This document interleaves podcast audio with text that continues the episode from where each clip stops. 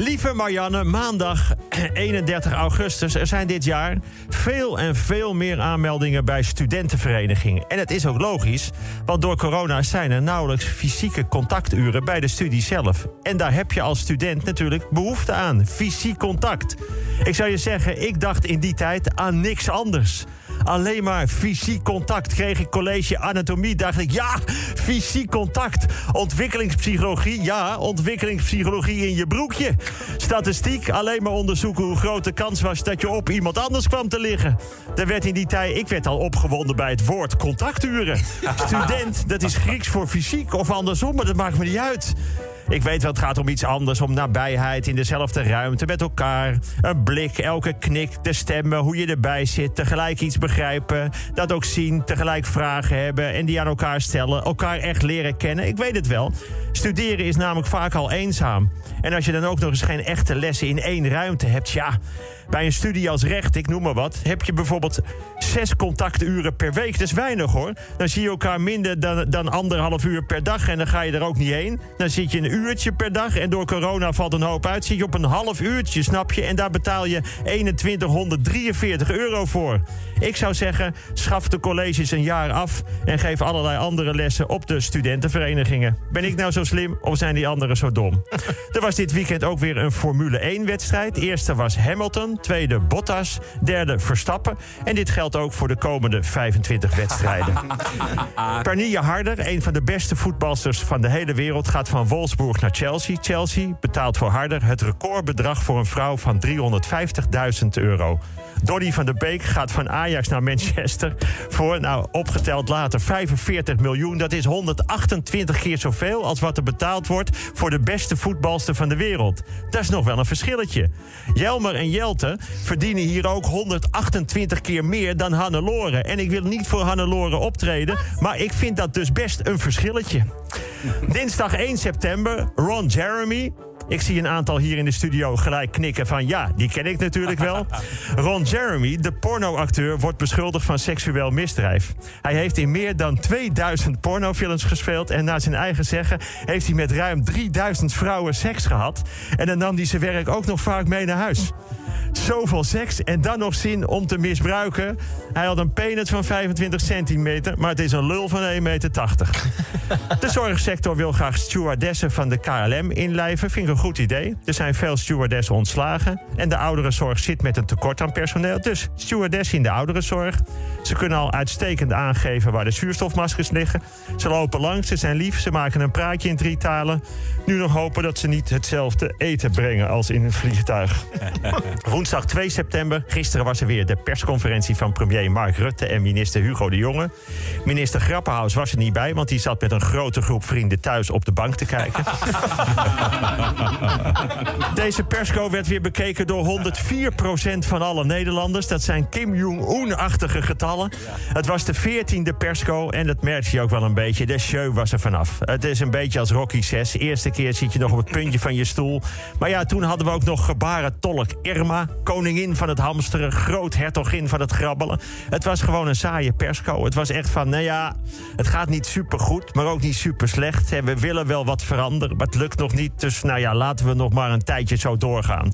Kortom, hoe je thuis over je relatie zit te praten. De belangrijkste boodschap: de clubs blijven dicht. Je kan nergens meer lekker tegen elkaar dansen. Alleen in de illegale garage bij minister Grappenhaus. Nou, daar wil ik toch nog iets over zeggen, want ik weet, het is erg makkelijk om dit soort flauwe verwijzingen te geven. Het was ook dom van hem. Overal zijn bruiloften afgezegd eh, om zich aan de regels te kunnen houden, maar niet voor minister voorbeeldrol.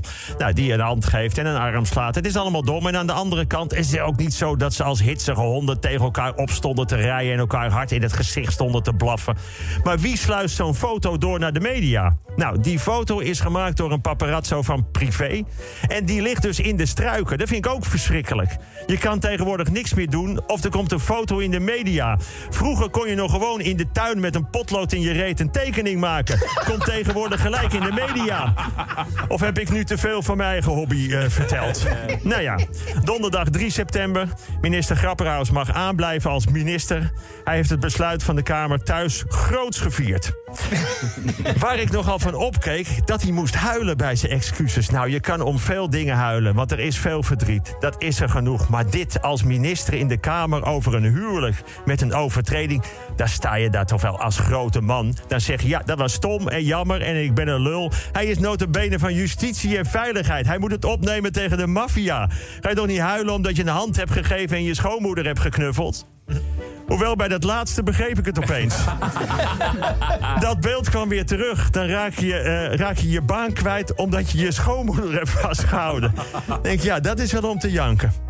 Vrijdag 4 september, koning Willem-Alexander is voor het eerst met baard afgebeeld op de euro. Is ook balen voor hem, want dan zit hij voor goed vast aan de baard, anders lijkt je niet meer op je munt. IKEA stopt 600 miljoen in duurzaamheid. Je moet het alleen thuis wel zelf in elkaar zetten. Wetenschappers hebben vorig jaar een zwaartekrachtgolf opgepikt... die voortkwam uit een botsing van twee zwarte gaten... die 7 miljard jaar geleden plaatsvond. Ik dacht al, waarom heb ik hier de laatste tijd zo weinig over gehoord? Maar het was 7 miljard jaar geleden. Dus nog voor de geboorte van Queen Elizabeth. Hoe ernstig was die zwaartekrachtgolf? Nou, zeggen ze, de trilling bestond uit vier mini-golfjes... die in totaal maar een tiende van een seconde duurden. Nu ze het zeggen, ik weet nog dat ik vorig jaar op bed lag en dacht... hé, hey, wat zijn dat voor mini-golfjes? Maar goed, ik heb nu alweer spijt van dat ik dit heb toegegeven.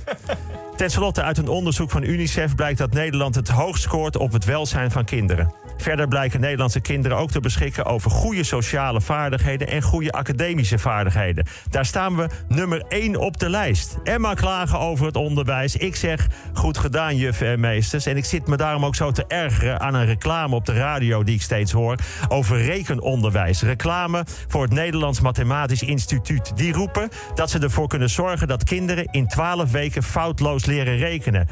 Vond je rekenen nooit leuk? Nu wel, in 12 weken. Dan denk ik, oké, maar waarom doen jullie dat dan niet op een school? Nou, dan zou ik zeggen, omdat je voor die cursus 1290 euro moet betalen... voor twee uurtjes in de week. En kun je wel leren rekenen in 12 weken? Nee, natuurlijk niet. Wat is dan het verschil op school? Nou, zeggen ze, wij hebben kleinere groepen. Nou, zorg dat dat dan ook op een school kan. Nou, zegt de directeur van het Mathematisch Instituut... wij leggen het helder uit. Wij doen het rustig aan. Wij laten overzichtelijk zien hoe het werkt. En we zijn geduldig. En als ze het niet begrijpen, leggen we het nog een keer uit. Alsof ze dat op scholen niet doen. Nee hoor, alle leerkrachten doen gewoon alles heel gehaast... laten nooit zien hoe iets werkt, zijn ongeduldig... en leggen het nooit voor een tweede keer uit. Wat een minachting voor het onderwijs. Wat een elitair gelul. Nog langer gelul dan die van Ron Jeremy. Hou vol, leerkrachten. Tot volgende week. Ta ta ta ta ta! Wat ontzettend leuk dat je luistert naar mijn podcast. Uh, en er komt een uh, gênant moment. Dan uh, zou ik je toch moeten vragen of je daar ook heel veel sterren voor wil geven. Want dan schijnt dat er nog veel meer mensen gaan luisteren. Ja, en dat wil jij toch ook? Of nou ja, in ieder geval ik. Dankjewel, doeg!